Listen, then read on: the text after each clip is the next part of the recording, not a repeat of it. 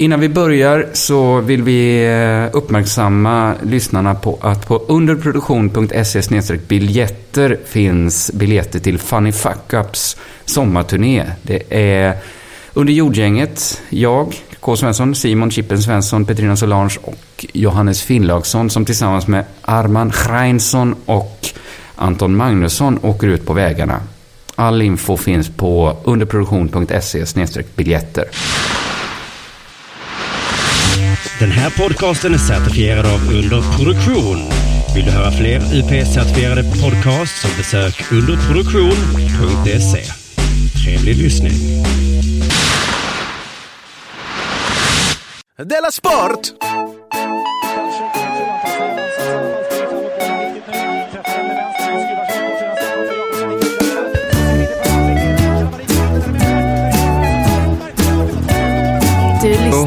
Sport. Japp. Japp, då sätter jag igång här och säger hej välkommen till eh, Della Mon sportavdelning som heter då Della Sport.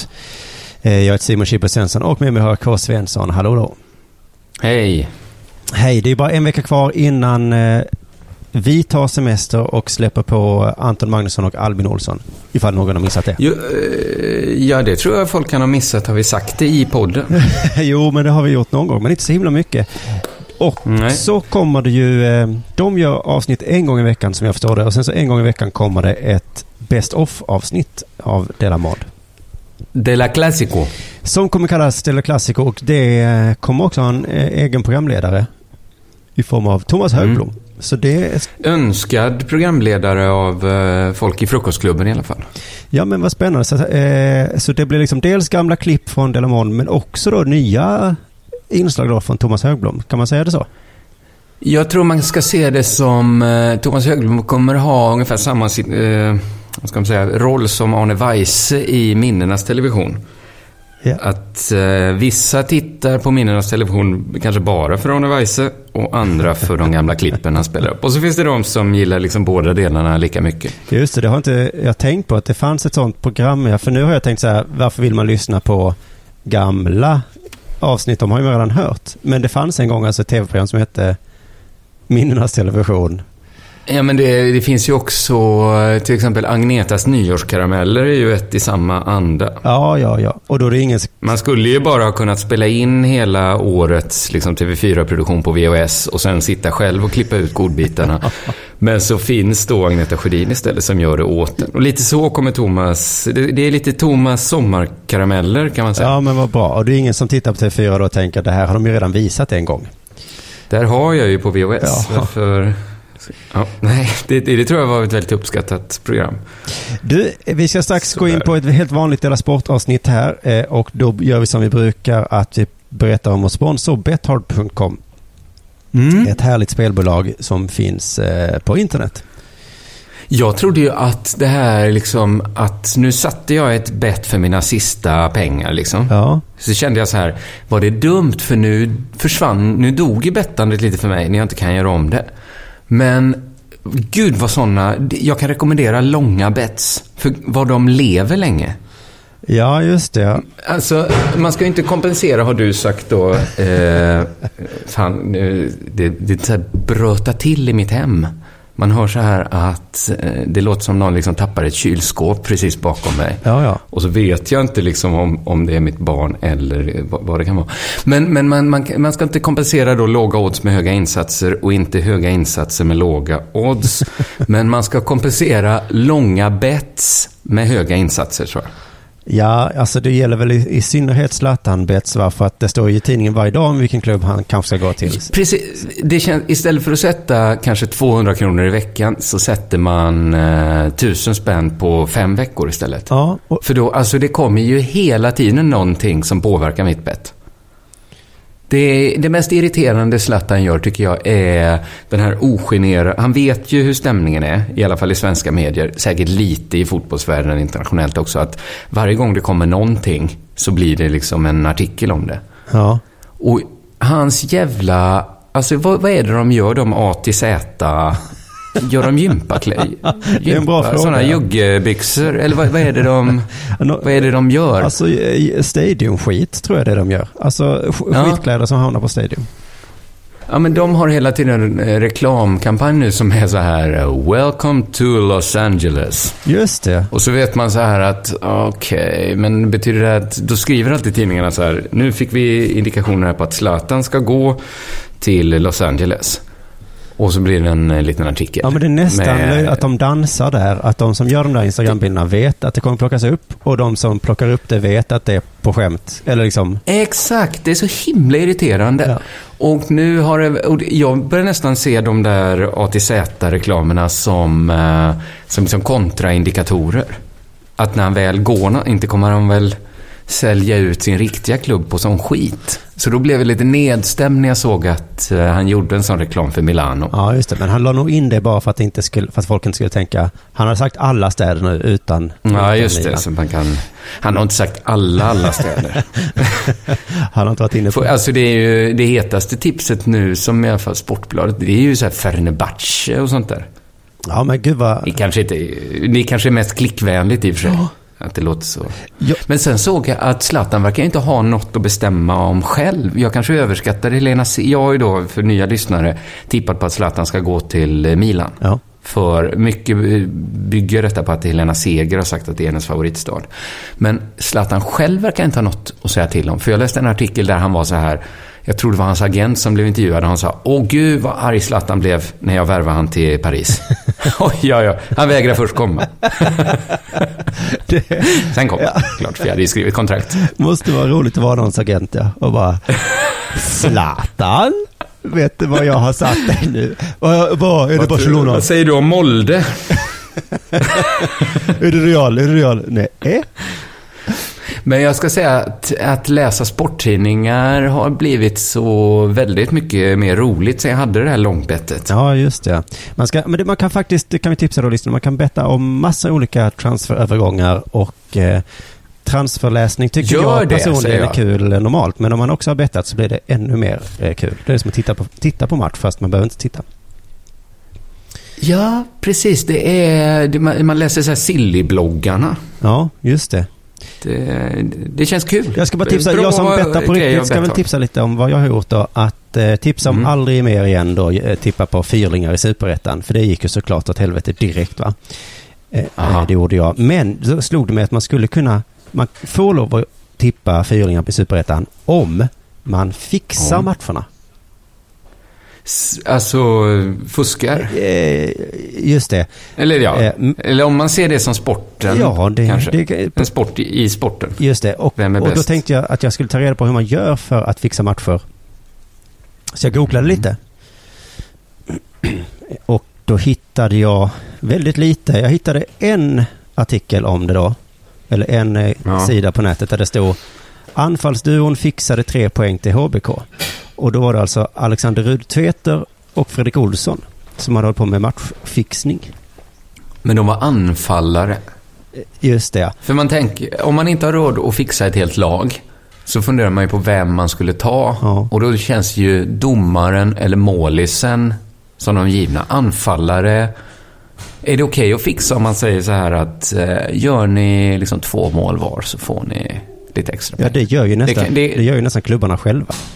Ja, det är ju inte matchfixning. Men jag skulle ju aldrig, om det var att släppa in mål då, förlora.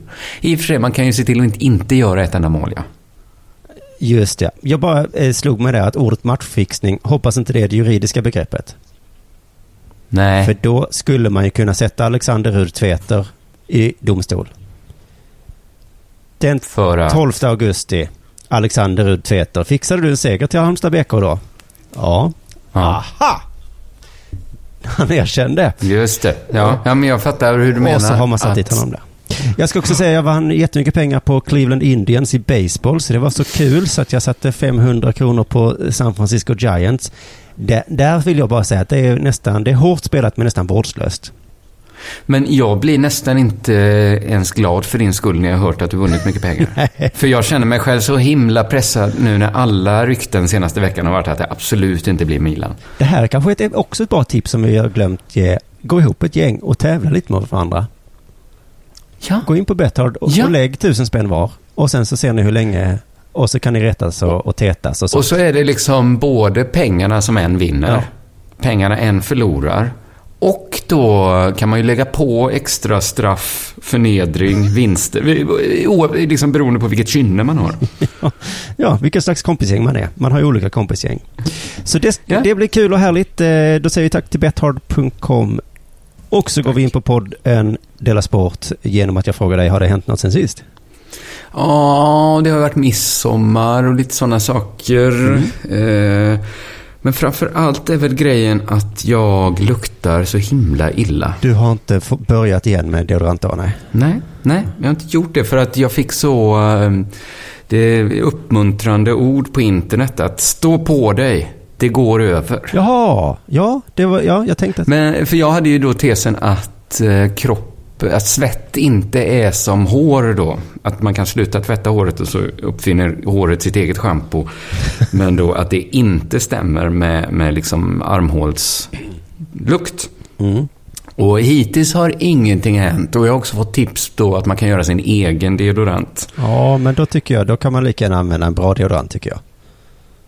Ja, precis. Men sen så sprayade Anna mina armhålor med någon konstig antroposofspray som hon hade i glasflaska. Funkade perfekt. Ja. Vad var det i den Bäst- sprayen? Vet inte, Nej. vet inte. Det stod bara vad det inte var i på. Ja. Och då att den var väldigt brandfarlig, men det är ju det mesta. ja. Du är ju Eh, antroposof, ja. Så det kan ju... Jag är ju det. Jag var ju också och kollade på mitt barns antroposofdagis och tänkte att vem som helst hade blivit antroposof om den här möjligheten fanns. Ja. Alltså jag tror att hade det varit ja, det, nästan vilken religion som helst hade jag tagit om det innebar att mitt barn kunde gå på det dagiset. Jaha, okej. Det var så himla fint alltså. Det var så himla fint. Men jag, Jag tänkte att nu har jag sett det här också. Nu blir det svårt att gå tillbaks till något annat. ja, ja, ja, ja, ja. Det, jag kanske kollar upp det. Jag ska anmäla mitt barn till dagis nu i dagarna. Men, Kolla, men du, det här finns det mycket antroposofer i Malmö? med antroposof. Jag känner inte alls till dem, er. Yes. Men att ni ska ha en egen deodorant. Ja. Vad fan? Alltså det är väl, okej, ni får göra det. Men jag kommer aldrig bli det för att det var därför jag slutade vara vegetarian. För att till slut så orkade inte jag leta upp vegetarisk korvställe. Så tänkte jag bara, ja men då Nej, tar jag vanlig korv då. Och samma med deodorant, jag skulle inte orka. Jag tror inte de är sådär jättehårda med att... Jag tror vegetarian... Om du hade bott i ett vegetariankollektiv hade de... Det är frågan om att bo i ett antroposofkollektiv. Då kanske ingen har the mans eh, deodorant. Det är någon som plötsligt luktar gott. Ja, ja, men vad kul, du, du, du luktar inte så mycket svett längre. Eh, jo, för att jag har inte fått mer av den sprayen. Må- hon, Så jag är tillbaks igen. hon sitter på stashet av... Precis, men jag har nästan till och med så tappat lusten och det blir en ond spiral för jag har tappat lusten att duscha eftersom jag ändå... Att ta en varm dusch, det gör bara att ja, en halvtimme senare, Ja, you know the drill. just det. Att det är väldigt svårt. Alltså man tänker vilken liten grej det är. Och en, jag hade alltid så här 25 kronors deodorant från Ica. Att det skulle varit en sån himla påverkan. Ja, det är mycket märkligt. Ja, det, men... Så eh, det har väl hänt. Har det hänt dig något sen sist? Ja, jag har också firat midsommar ju. Eh, Mm. Jag har firat midsommar i ett hus på landet. Japp. Och det är rätt vanligt va? Eh, ja. Jag vill lägga in en brasklapp här att jag kan låta lite dryg här kanske. Men jag, Jag var också i ett hus på landet, ja, det är min tes att alla gör det. För jag har gjort det nästan alla år i hela mitt liv. Ett par undantag Mm. finns. Eh, och jag bara känner, alltså varje år så tittar jag lite sådär i telefonen. Så ser jag Sydsvenskan, som jag läser då, har en liten bild på barn i Folkets Park som sitter i regnet och lyssnar på Mm. några jävla barnsånger. Och då kan inte jag låta bli att tycka så himla synd om dem. Att man tänker att, de all, att om de inte får vara i ett hus på landet på midsommar, Ja, det, då är de ju aldrig i ett hus på det är landet. nästan barnplågeri. Att ha. Och vet du vad, jag känner nästan lite förakt också. Alltså? Inte nästan alltså, att jag känner så här, va, har ni inget landställe? Vad är ni för människor? Lite så. Alltså jag kände ju det ganska mycket. Jag kunde känna det över min släkt ett tag. Att eh, när jag var barn tyckte jag det var ganska skönt för att de som hade så här sommarställen var alltid sura på att de behövde åka iväg och liksom sitta i ett hus på landet hela sommaren. Ja, Men sen när jag blev lite äldre och man ville så här låna ett hus på landet och åka ut och ha kalas tänkte jag så här, gud vad säger det här om en släkt? Att ingen i släkten lyckats liksom skaffa en sommarstuga. Nej, men det kommer jag till varför det, jag tror din släkt... För att ha liksom bara en gjort det någon gång i släkten, Ja. så har man ju den sommarstugan. Ja, ja, ja, då behöver ingen någonsin göra det. Så lite det drev ju mig att skaffa ett sommarställe som jag fortfarande har. Ja, men min tanke är så här att alla känner någon eller känner någon som känner någon som har ett hus på landet. Mhm. Eh, så att man behöver inte köpa ett hus på landet själv. Men det är lätt för dig att säga som kommer från en släkt som har hus på landet. Ja, men jag till exempel så var jag hemma då hos min flickväns föräldrar. Men det var inte deras Ja. hus, eh, utan de känner någon som har det här huset. Så lånade de det här Just huset det. och sen kom jag då hit. Så att jag tror att det finns hus så det räcker till precis alla i hela Sverige. Jo, men jag tror att alla kan ha ett dåligt år när de, det inte riktigt passar med någon som har hus på landet. Och det fattar inte sådana som du som själva alltid har ett backup-hus som funnits i familjen länge. Nej, det är det jag menar. Jag, Du har aldrig stått där och, utan hus på landet på midsommar. Jag kan framstå som lite dryg här nu. Men min tes är bara, istället för att köpa hus, var lite trevlig. Det är en bättre investering. Mm, mm. Så, Det kan du väl ha rätt i. Det håller ju inte om alla hade och tänkt så så. börja fiska lite tidigt sådär. Känner du någon som har någon, någon som har något hus? Och därför eh, så att, eh, jo, men sen vill jag också lägga in den här idén då, för jag kollade Instagramflödet igår då på midsommardagen och gud vad alla är på landet. Det, Ja. Alltså, och också en liten uppmaning till folk på Instagram. Kan ni sluta nu och lägga upp bilder på ultimata midsommarfiranden? Mm. Underbara vänner, underbara landställen. För det är sånt här som får folk att vilja ta livet av sig. Ja, så ni vet. Ja, jag såg... eh, Det, det, det man tänker mest på är ju att, eh, att alla foton är nästan likadana. Alltså att det ser jättehärligt ut och jättekul om man skulle varit här för att fatta hur speciellt just det här midsommarfirandet var. Ja. Men så råkade jag komma in på Eva Bäckmans Instagram. Eh. Hon gör så här kulturprogram på, eh, på SVT. Ja. Hon är eller långt blont hår. Jag tror du vet vem det är. Men där såg man liksom att eh, det hade varit så jävla trevlig stämning på deras midsommarfirande. Ja. Alltså, så att det liksom nästan blev en krock när man satt på ett annat ställe och såg det. För då hade liksom, eh, de hade liksom flummat ut så hårt och gjort så här, eh, de stod nakna i trädgården och gjorde solhälsningar. Ja, men Ja, men också på liksom något sorts ironiskt sätt fattar man också att Ja, de ja, hade ja. liksom, nu är vi i det här liksom hippiekollektivet, men nakenhet är nakenhet. ja, särskilt på bild. Alltså, Jag tror att Eva Bäckman kanske hade det allra flippigaste midsommarfirandet Ja, av alla. men bara, för jag hade ju en superbra midsommar och ändå så fick jag så lite hugg i, i kroppen när jag gick igenom Instagramflödet att jag är värdelös som inte har så perfekt liv som till exempel Arman och Tess, Marcus Johansson, Rebecca Östman. Ni fyra är skyldiga till att folk vill ta livet av sig. Det var bara det vill jag säga. Hade de så himla häftiga midsommar? Ja, det var, de hade jättefina bilder på, på sina... Och, och jag vill bara att ni har ett ansvar, vill jag bara kasta ut till folk. Just det. Mm. Jag ska bara kort berätta att jag och då min eh, svärfar, kan jag väl kalla honom, satt och filosoferade lite på midsommarafton om om hur annorlunda världen är nu Mm. än för tio år sedan. Eh, vad tänkte ni på något speciellt då? Ja, men jag tänker eftersom mitt eh, första barn är tio år så tänker jag shit vad annorlunda det var på den tiden. Och jag tänker att ja, men det är Mm. terror till exempel, men också ja, du vet, teknik och, och allting möjligt. Det är så himla annorlunda. Mm, men terror börjar väl inte för tio år sedan? Nej, men det har krypit närmare känns det. Att det händer oftare och, ja, ja, och, och sådär. ja, okej. Men så kom jag på en sak som är exakt samma.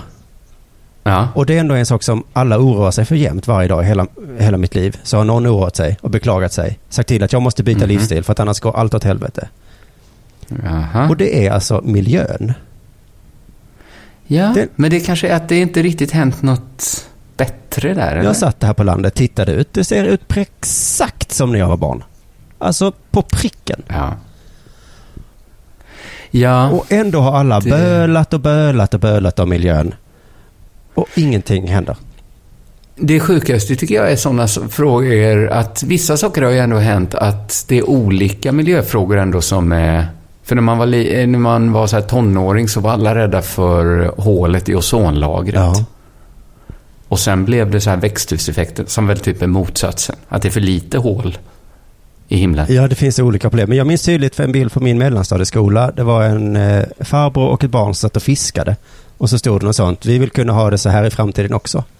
Och nu känner jag bara, Mm. ja, eh, vi fiskar och fiskar, det är ingen fara. Alltså, Det är inte så många, alltså förr var man ju rädd för så här surt regn. Det hör man inte så mycket längre. nej, alltså det är möjligt. Klimatet liksom har det jobbigt, men miljön mår ju så jä... Alltså varför kom Miljöpartiet in i riksdagen 86 eller när det var? Tänk om anti-islamistpartiet kommit in istället. Ja, hade kanske varit Hade varit annorlunda i alla fall. Ja. Mental hälsa-partiet hade behövts lite bättre då. Miljön är så Ja. jävla bortskämd. Folk håller på att sortera sina sopor för att miljö... Alltså, miljön borde vara med i sånt TV3-program, du vet, ung och bortskämd. Så kunde miljön sitta bara, det finns folk som flyger till Thailand när man kan cykla. Och så skulle man sitta där bara, alltså herregud miljön. Du får skärpa dig nu. På en studentkorridor, där diskar någon med rinnande vatten. alltså herregud. Du tror inte det är någon fara? Nej, jag är... Nej. Eh, med tanke Och på... argumentet för det är att det varit, eh, folk har varnat så länge nu. Ja, exakt. Så att du vet, jag har slutat sortera mina sopor. Jag gör det bara inte längre. I Stockholm eh, kan man inte ens. Nej. Och det går så himla bra ändå. Så med de orden så tycker jag det är dags för det här.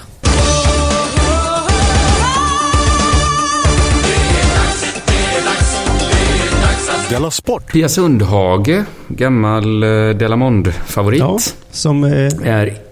Ja, ja, det är helt oviktigt om hon är homosexuell eller inte. Det har vi pratat om. eh, ja det, det är väl inte viktigt. Det är ingen som- Eh, hon är intervjuad... eh, Det är ingen, nej, hon är allra minst Pia Sundhage.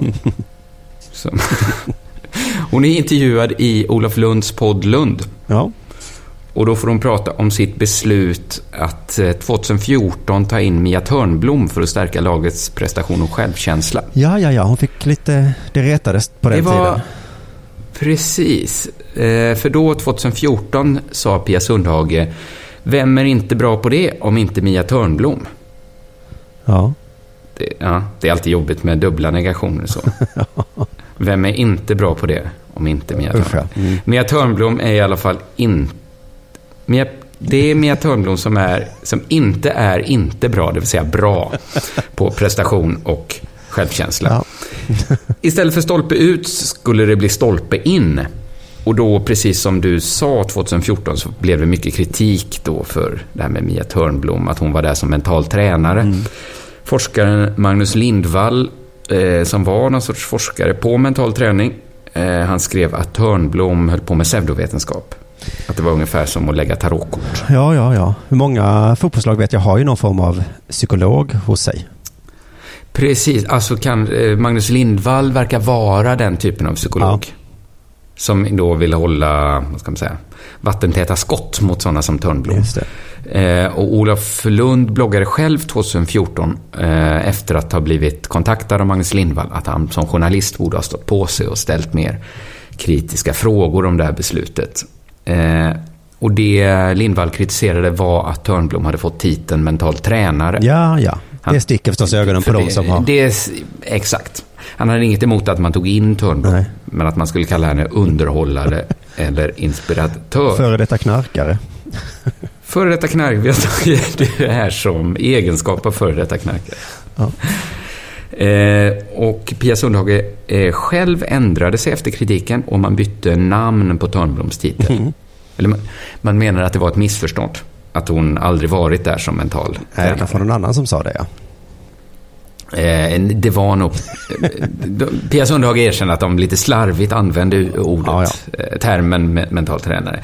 Det är inte mental tränare, sa Sundhage då. Vi pratar om en inspiratör. Förra året hade vi Therese Alshammar, Anja Persson, Kajsa Bergqvist och Louise Hofsten. Och Magnus Lindvall kritiserade ju inte Louis- bluessångerskan Louise Hofsten för att vara pseudovetenskaplig. Men det var ju då för att hon gick under radarn som eh, inspiratör. Ja. Så Mia Törnblom var alltså inte där som vetenskapsman utan som, liksom, som vilken bluessångerska som helst för att inspirera. Jag tycker man, Jonathan Eh. Unge borde de ta nästa gång. Skulle, eh, ja, som Louise Hofsten. Ja, precis. Han kommer in och bara Ja. är lite skön. Ja, precis. Men 2014 var det inte så roligt för då var Pia Sundhage pressad av kritiken. Eh, det var sådana tider då. Men nu, 2017, tillbaks i Olof Lunds podd, så har hon liksom en annan syn och har ändrat sig en gång till. Jaha. Hon ångrar att han bytte Törnbloms titel. Vi blev så ängsliga för att få kritik, så till den milda grad att vi ändrade det till inspiratör. Ja, det, ja men det där känner Nu jag igen.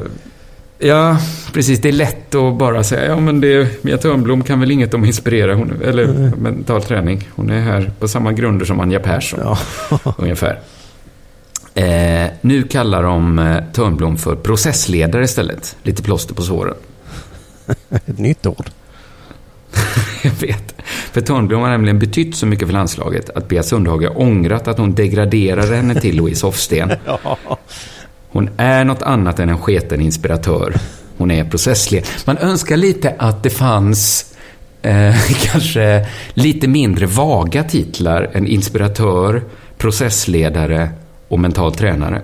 Ja, Mental tränare är kanske en riktig titel då, eller med en riktig vetenskaplig grund. Precis. Det borde Men- kanske heta så stolpe in-tränare. För Ja. det är det som var hennes jobb, att, att liksom få de där nesliga... Ja, nu är hennes jobb att leda processen då, att få bollen att gå stolpe in istället för stolpe ut. Ja, Vilket inte är samma sak som att eh, vad Therese Alshammar sysslade när hon var där. i alla fall. nej, just det. Eh, men grejen är att fotbollsförbundet har propagerat för att tränarna ska använda evidensbaserade metoder. Ja. De tycker det har varit lite för mycket flum. ja, det var något i ungdomslaget också har jag för mig som var... Ja, Håkan Eriksson Just- på just U21, det. då killarna. Han har använt så kallad HRV-träning. Just det, har vi nog tagit upp i Delamon någon gång. Man sätter en liten mätare på örat som mäter hjärtaktiviteten. Så var det ja. det tycker jag låter... Alltså hur hjärtat slår har väl... Alltså, man kan väl mäta kondis på det sättet tänkte jag. Eller vilopuls och sånt. Ja, Men det här HRV finns inga bevis för att det funkar. nej, det, det blev han kritiserad för också minns jag. Och han... Eh, Precis. Och det är lite så här, ja, ja, ja, är deras försvar. Inga, nej, det kanske, men ni har sagt att vi ska tänka utanför boxen och nu gör vi det och så var inte det heller rätt. och den gången så vann ungefär. de ju U21-EM har jag för mig. När de höll på med den där grejen. Exakt, det är ju någon slags evidens. Ja. Ändå. Det är ju evidens för att det funkar med icke-evidensbaserade metoder, skulle man kunna säga. Mm. Och det verkar också, det var det här jag ville komma fram till, som jag tycker är lite intressant. Jag vet inte om jag är för eller emot, det kan vi låta vara osagt, men det finns en lucka för icke-evidensbaserade metoder. Det är nämligen Håkan Sjöstrand, generalsekreterare på Svenska fotbollsförbundet. Jag vet inte om han fortfarande är det, han var det när han sa det i alla fall. Han har sagt så här att när det gäller ungdomslandslag och tränarutbildningar ska det alltid bygga på det som är evidensbaserat. När det gäller våra seniora landslag har de haft möjligheten att jobba med motivations eller inspirationshöjande aktiviteter i syfte att spela bra. Mm. Så att det finns en lucka där som är ungefär inget flum när det kommer till våra ungdomar. Lite flum kan vi ändå tillåta i de seniora landslagen. Ja, men för då har man redan... Då har man lärt ut allt man kan. Nu kan ni allt. Ja, precis. Att de kan kanske allt där, ja. Och så, men har ni testat att ha en tärning i fickan när ni spelar? Ja, för funkar det inte så är det inte hela världen heller, utan det är... Alltså, jag är inte helt emot det här, ska jag säga. Nej. Jag höll inte... i- Alltså, allt flum är ju bra när det funkar, för visst fick... Vad hette han nu? Eh, tränaren i 94? Ja, han som läste en dikt, ja. Tommy Svensson. Precis. Tommy Svensson, ja. Precis, då var det jättebra att läsa Karin Boye. Mm. Då var han ett geni. Ja. Har ni nu Så- kalsongerna ut och in allihopa? Ja. Ja, men så jag, jag tycker ändå... Lite flum måste man få hålla på med. De håller på med flum i vilket fall ju. På de seniora nivåerna menar jag. Ja, det är snus som ska ligga, tas in i tid och otid och det är... Jag menar, det är papperskorgar som ska sparkas Ja. på. Och jag tycker, dra gränsen någonstans mellan sparka på en papperskorg och ritualslakta något djur innan matcherna. Så är det helt lugnt för min del. Ja, just det, den här gamla idén om att så länge ingen blir skadad så får ni göra. Men som sagt, bara i seniorfotbollen då. Eh, Vi får inte lura in ungdomarna på antroposof-skit. De får inte ens läsa Harry Potter, Nej. tycker jag. Du, jag hittade en liten artikel på Fotbollskanalen som jag reagerade lite på. Eh, i- som handlar om Cristiano Ronaldo. Som började så här då. Ja, Efter Cristiano Ronaldos straffmål igår mot Nya Zeeland i Confederations Cup har nu flickfavoriten från Portugal stängt in hela 75 mål i A-landskamper. Kallas han så? det... Nej. Eh, han är väl lika... Alltså... Är inte hans sexualitet ifrågasatt? Bara av belackare tror jag. Han har väl barn, har jag för mig. Men är inte hans barn tillverkat liksom i en eh, portugisisk barnfabrik? Alltså det, det, det, det, det är något konstigt med hans barn Ja. väl? Eller hans nya barn är lite Ja, konstiga. men så kan det vara. Men han kan ju vara flickfavoriten han- då kanske. Jo, jo, precis. Men han är väl... De hade lika gärna kunnat skriva den bögrykte som susade eh, anfallaren. Om de nu ändå ska ta... Ja. ja, men det är lite att vi killar får ta sån skit fortfarande. Medan Kosovare Asllani aldrig hade fått den heta bruden. Eh, Nej. Eh, till exempel. Men menar de att han är lite pimpinett? Eller vad, vad Han, vill de ja, men han är sagt? snygg i alla fall. Så, så kan man säga. Men det har ju faktiskt inte med saken att göra. Han har alltså Men gjort... är han snygg på ett flickfavoritigt sätt verkligen? Ja, men... Det, det, nej, det, för jag tycker han är snygg, men min tjej tycker han är ful. Så det kan vara att tjejer inte gillar honom, men killar tycker han... Alltså, killar vill vara Ja. han, men ingen vill ha han. Så kanske det är. Mm. Ja, skit i det. Det, jag, jag, jag, tycker, jag tycker ju inte att han är snygg. Nej, men oavsett så handlar ju artikeln om att han har gjort så jävla många mål. Ja, Och, det, det kan ingen ta ifrån och honom. därför tycker jag att det är lite onödigt att eh, kommentera hans utseende. Nåja. Ja. Sen står det också så här, räknar vi in endast målskyttar från länder som är och har varit de bästa så är Ronaldo på tredje plats. Mhm. Först är Puskas, sen är Pelé, sen Kocis och sen då Ronaldo på samma mål som Kocis. Ja, jag delar tre. Mm. Och varför ska vi bara räkna in målskyttar från länder som är och har varit de bästa? Eh, vad menar du? Ja, för det är så det står. Räknar vi in endast målskyttar från länder som är och har varit de bästa så ligger Ronaldo på delad tredje plats. Aha, men det är så som när Henke Larsson spelade för Celtic. Att man fick liksom räkna, varje hans, alla mål han gjorde var som ett halvt mål. Jo, För att motståndet var mycket sämre. nej, för att Henke Larsson har vi ju räknat hans mål. Eh, skotska mål räknar vi. Det är bara... Men var det inte så här han hade vunnit skytteligan i Europa om han bara spelat i en bättre liga, trodde jag? Jo, jo, men sånt kan man ju alltid. Men här, det här är ganska vanligt och jag eh, vet varför det är. Alltså det är en väldigt rasistisk tanke det här. Det är rasism i sin renaste form. För vi räknar vita och brasilianare kan vi eh, också räkna då. För det är eh, charmigt. Svarta Ja. räknar vi om de är födda i Europa. För sen står det här, om man då räknar in samtliga länder så är det Ali, Jaha, ja. Ali Dai från Iran som gjort flest landslagsmål. Han har gjort 109 stycken. Och Ronaldo har gjort 75 då. Just det, men man tänker sig då att Ronaldo har mött mycket bättre motstånd än de här matcherna mot Qatar och, Ja, och liksom vad det nu finns för länder men där. varför känner inte jag till Ali Dai från Iran? Det där kan Erik Niva och Simon Bank ta på sig när de skriver om rasism och sånt. Att, Lite du också tycker jag. Ditt intresse för iranska ligan har väl varit under all kritik? ja, va? men jag läser ju... Ja, ja, okej, jag får ta på mig ansvar då. Men nu tar jag på... Det är ju Mm. det jag gör nu då. För att Ronaldo är ju bäst, han har gjort 75 mål. Men alltså Ali Dai har gjort 100 jävla 9 mål.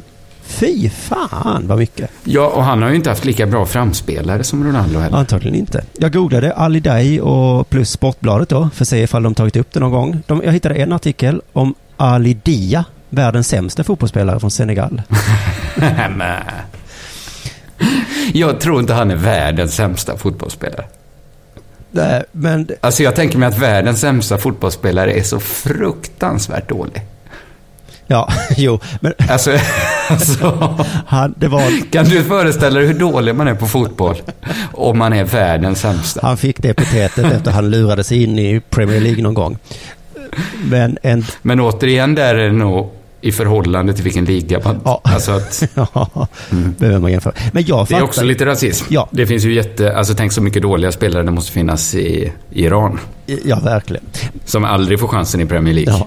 Men jag fattar ju, jag vill ju bara räkna eh, de här som vi alltid har gjort. Eh, för jag är ju lite fotbollsrasistisk liksom. Mm. För att tänk när det kommer kineser och Abu Dhabier och sånt som gör mål. Då blir det... Vet du vad jag kände idag förresten, apropå det här? Jag läste en artikel om eh, idrottsbygget i, eh, eller både eh, blivande- kommande VM i Ryssland och i Qatar. Ja. Varför har, varför, får man inte, varför har vi inte bara fotbolls-VM i klassiska fotbollsnationer? ja, exakt. Vi räknar inte eh, Ali Daya och vi har inte Nej. fotboll där. Eh, Nej, för, det gör ingenting om, om liksom det inte finns någon fotboll i Qatar, kände jag. nej, alltså jag tycker det är okej om de köper upp eh, eh, europeiska lag. Men tänk när Kina är med i Champions League. Nu kan de inte det för det är europeiska lag. Men ändå, att det blir inte kul riktigt. Ryska lag Nej. vinner och så bara, nej, så här ska det inte vara. Jag håller med. Men vilken annan sport hade, hade man kunnat säga så? Alltså jag tänker friidrott då. Han hoppade näst högst i världen. Om man inte räknar den där killen från Kuba då. Men det gör vi ju inte. Här ser du världens högsta hus. Om man inte räknar arabländerna. Då har vi ju några högre hus. Så att här har vi...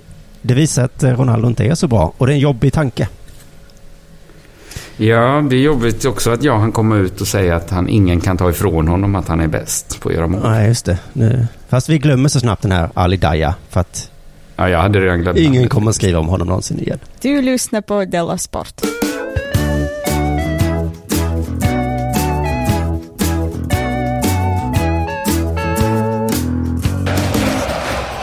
Vet du vad Finlands bästa basketspelare heter?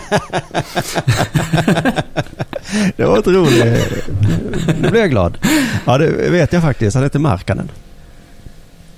Ja, inte Dunka Bollinen eller något annat. Utan han heter Lauri Markkanen, ja. Det är, lite, ja, det är roligt att det inte är Markkanen, ja. Eftersom bollen ska upp i Mm. luften än. Just det, han kunde varit Finlands sämsta Nästan. basketspelare. Eh, skott i Markkanen. Han valdes som nummer sju i NBA-draften, högst i Norden någonsin. Ja, det är coolt. Sju i draftinen. Och han kommer gå till... Alltså att man kunde tycka de historierna var så himla roliga när man var liten. När man inser att de var lite lätta att återskapa. Ja, just det.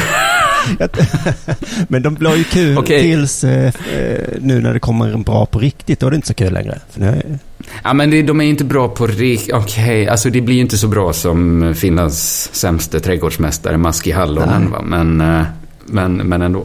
Han kommer gå till Chicago Bulls. nej, men jag menar att, redan att fått- när idrottarna är bra på riktigt, då blir skämten lite sämre också menar jag. Ja, just det, för han heter ju Lauri Markkanen. Ja, om det blir liksom att världens Det- eh, en trädgårdsmästare som är så jävla grym är från Finland. då tappar det där hall, Maski Hallonen också lite. Ja, ja precis. Uh, nu, är det ju kört, för nu har ju de ju en spelare i Chicago Bulls. Som redan fått supermycket skit i och för sig. Jätte, jättemycket skit till Lauri Markkanen. Och hälften av skiten kan han inte hjälpa och andra halvan är helt och hållet hans fel. för hälften av skiten då är att han... eh, det är för att Chicago Bulls byt, valde att byta bort sin stjärna Jimmy Butler. Mhm. Och det kan ju faktiskt inte Lauri hjälpa. Nej, Det är inte hans fel. Nej. Så den tycker jag så här att eh, där får det är inte det är varga på Chicago Bulls då. Han har också fått kritik för sitt val av tröjnummer. Han valde nämligen nummer ett. Och i Chicago Bulls är nummer ett ett heligt nummer eftersom det tidigare bars av ikonen Derrick Rose som är den enda som får spela med nummer ett. Så nu skriver folk på Twitter att alla i Chicago kommer hata Lauri för det här. jaha. Så lite då- dålig start på NBA-livet och livet i den nya staden. Att alla... Att folk har redan sagt så här, bara så du vet, alla kommer hata dig jättemycket. Men var det en sån här jazzrikan-grej att i marknadens kultur så väljer man nummer ett? jag vet inte Och så riktigt fattar inte han det. alls att det fanns en spelare som hade det och så. så det var en, eller var det liksom medvetet så han tänkte, nu ska jag ta den där eh, heliga numret. Jag tror att så här, oavsett det här, eh, om det var ett heligt nummer. Jag, tycker, jag, jag ska säga så här, att jag tycker det, att folk har hängt upp sig för mycket på att det är respektlöst att ha just Derrick Rose tröjnummer. Mm. Jag tycker man borde prata mer om hur gränslöst det är att ta ett nummer som nummer ett, oavsett vem som haft innan. Ja, ja, nummer ett. Att det är lite som att komma så här ny till en klubb och föreslå att man ska ha nummer noll. Ja, Dubbelnolla. Eller en miljon ska jag ha. Den ska ha ett evighetstecken, ett frågetecken. Den ska bara ha ett semikolon på ryggen. Särskilt som Det finne och är den bästa europeen, eller vad det var. Norden. Norden. Alltså, det är lite gränslöst att vara Finlands bästa basketspelare Ja. och komma där och ha balla nummer. Va? Det har ju ingenting med att det är Derricks Rose nummer. Nej, Det är ju att man får en så himla dålig känsla för Lauri för det här. Vad vill du ha för färg på skorna, Lauri? Guld? Kanske genomskinliga? Kanske med vattenfyllda klackar där små clownfiskar simmar runt. Bara så enkelt. Jag får den känslan att han har en jävla hallickstil. ja. För jag, om jag hade kommit till Chicago Bulls hade jag kanske frågat eh, Excuse me, which number is eh, available? Can I take? Ja. Något sånt i den stilen. Och Lauri frågar, var kan jag fimpa min cigarr? Var ska jag lägga min joint? Eller så är han eh, liksom Zlatan. Ja. Men han har ju peggat upp det ordentligt för sig nu. Ja, Ja, men jag tyckte det är en märklig sammanblandning av att vara respektlös och vara gränslös, tycker jag. ja, men det är väl där, det är väl så man blir bra idrottare också kanske. Och så ibland går det för långt. Ja, då är man kanske både respektlös och gränslös. Ja. Ja, och sen då och då så trillar man fel. Man ska balansera rätt där bara. Som, Det största hade ju varit om Derrick Rose kommer tillbaks och inte får ha nummer ett ja, För det har liksom... Lauri har nummer ett och bara torka sig med. och alla säger Derrick Rose, det är jävla sopa. ja. Det är ju, det är ju Lauris snytnäsduk nu. Men jag tycker i idrott så har Lauri all chans nu. Täppa till truten på kritikerna. Var bäst nu. Bli en Ja, ikon. verkligen. Du lyssnar på Della Sport.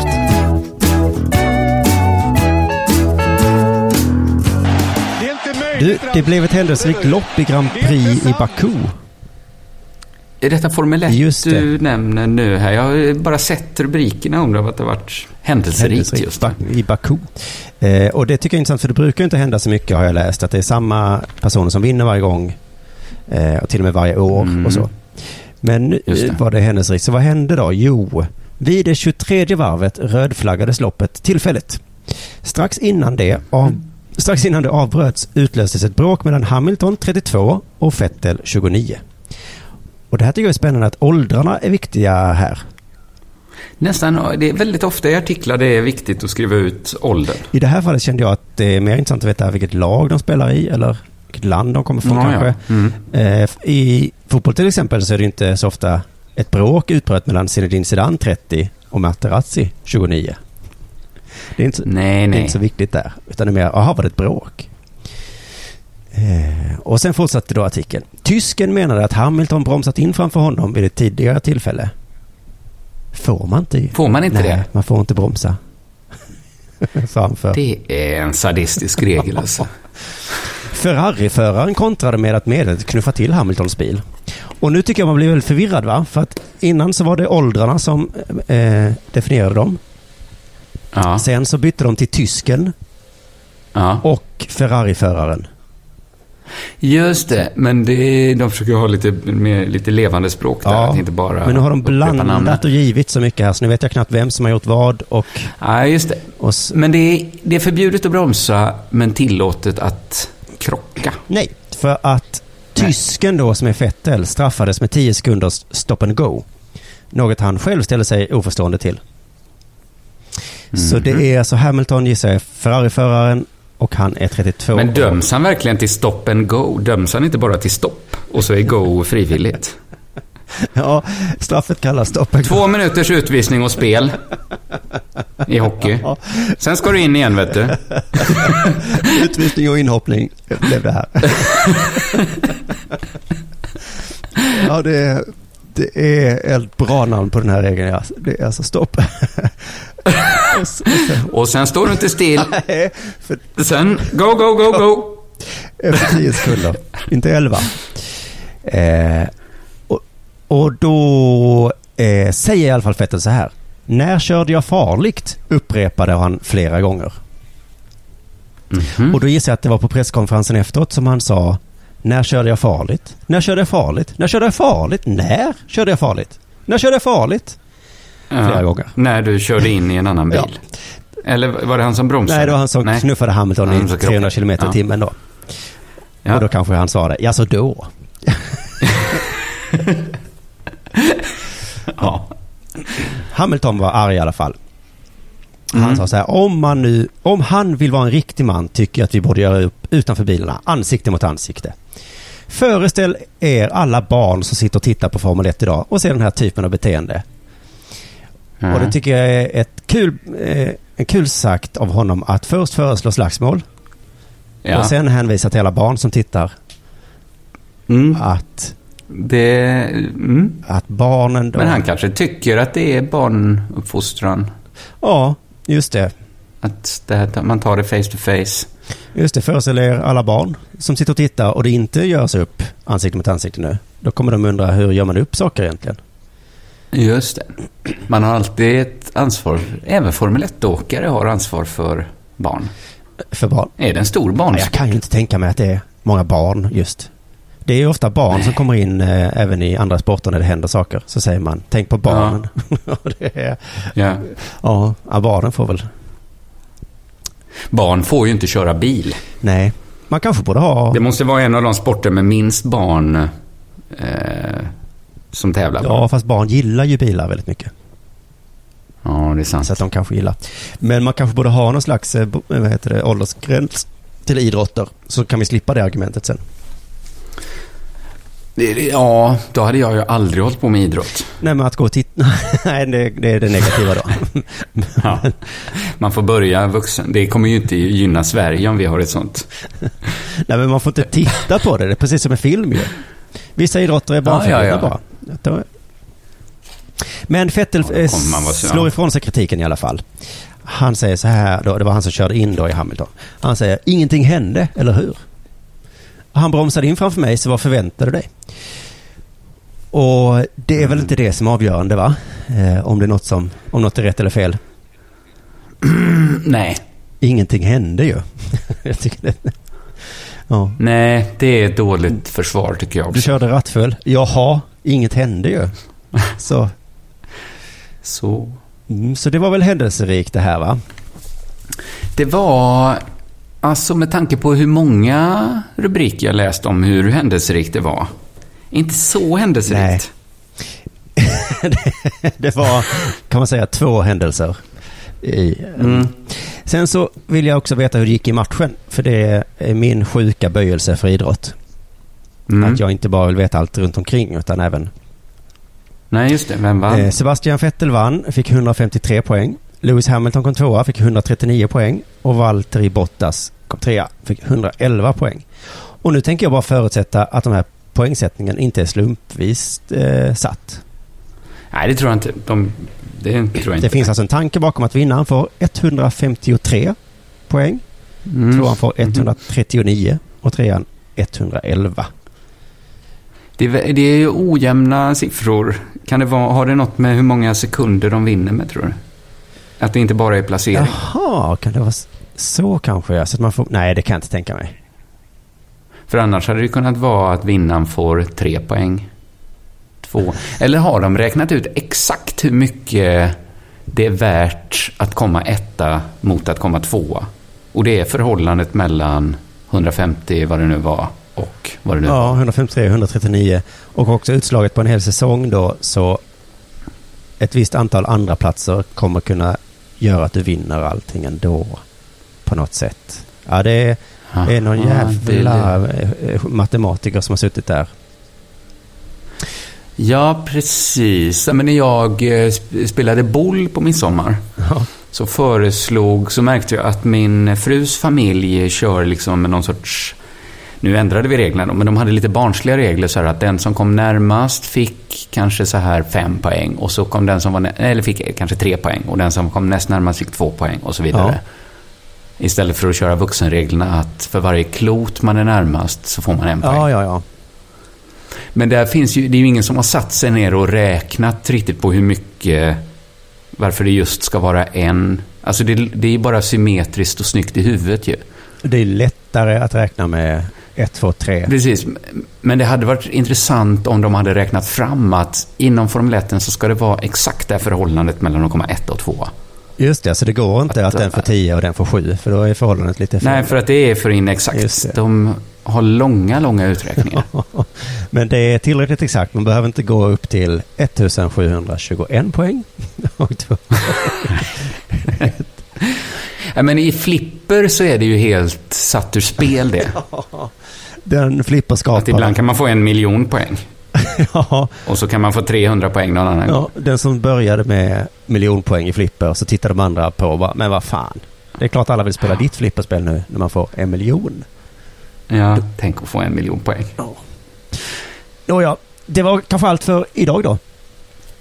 Ja, även eh, allt för mig eh, inför sommaren nu. Nu sticker jag, imorgon sticker jag. Så nu får du och Jonte ta hand om Delamond in i mål här och sen tar Anton och Albin och Thomas Högblom över för sommaren. Det ser jag så jävla mycket fram emot att lyssna på. Jag ser så mycket, ja exakt, det ska bli så roligt att och liksom lyssna på Delamond på riktigt. Just det. Eh, mycket roligt. Och sen så ska det bli oerhört roligt få dig tillbaka, eller för oss tillbaka då, eh, kanske i mitten på augusti där, tror jag det. Jajamensan. Vi tackar Betthard.com och eh, våra Patreons då såklart. Eh, och alla andra. Ja. Ha en fin sommar. Du med. Hej.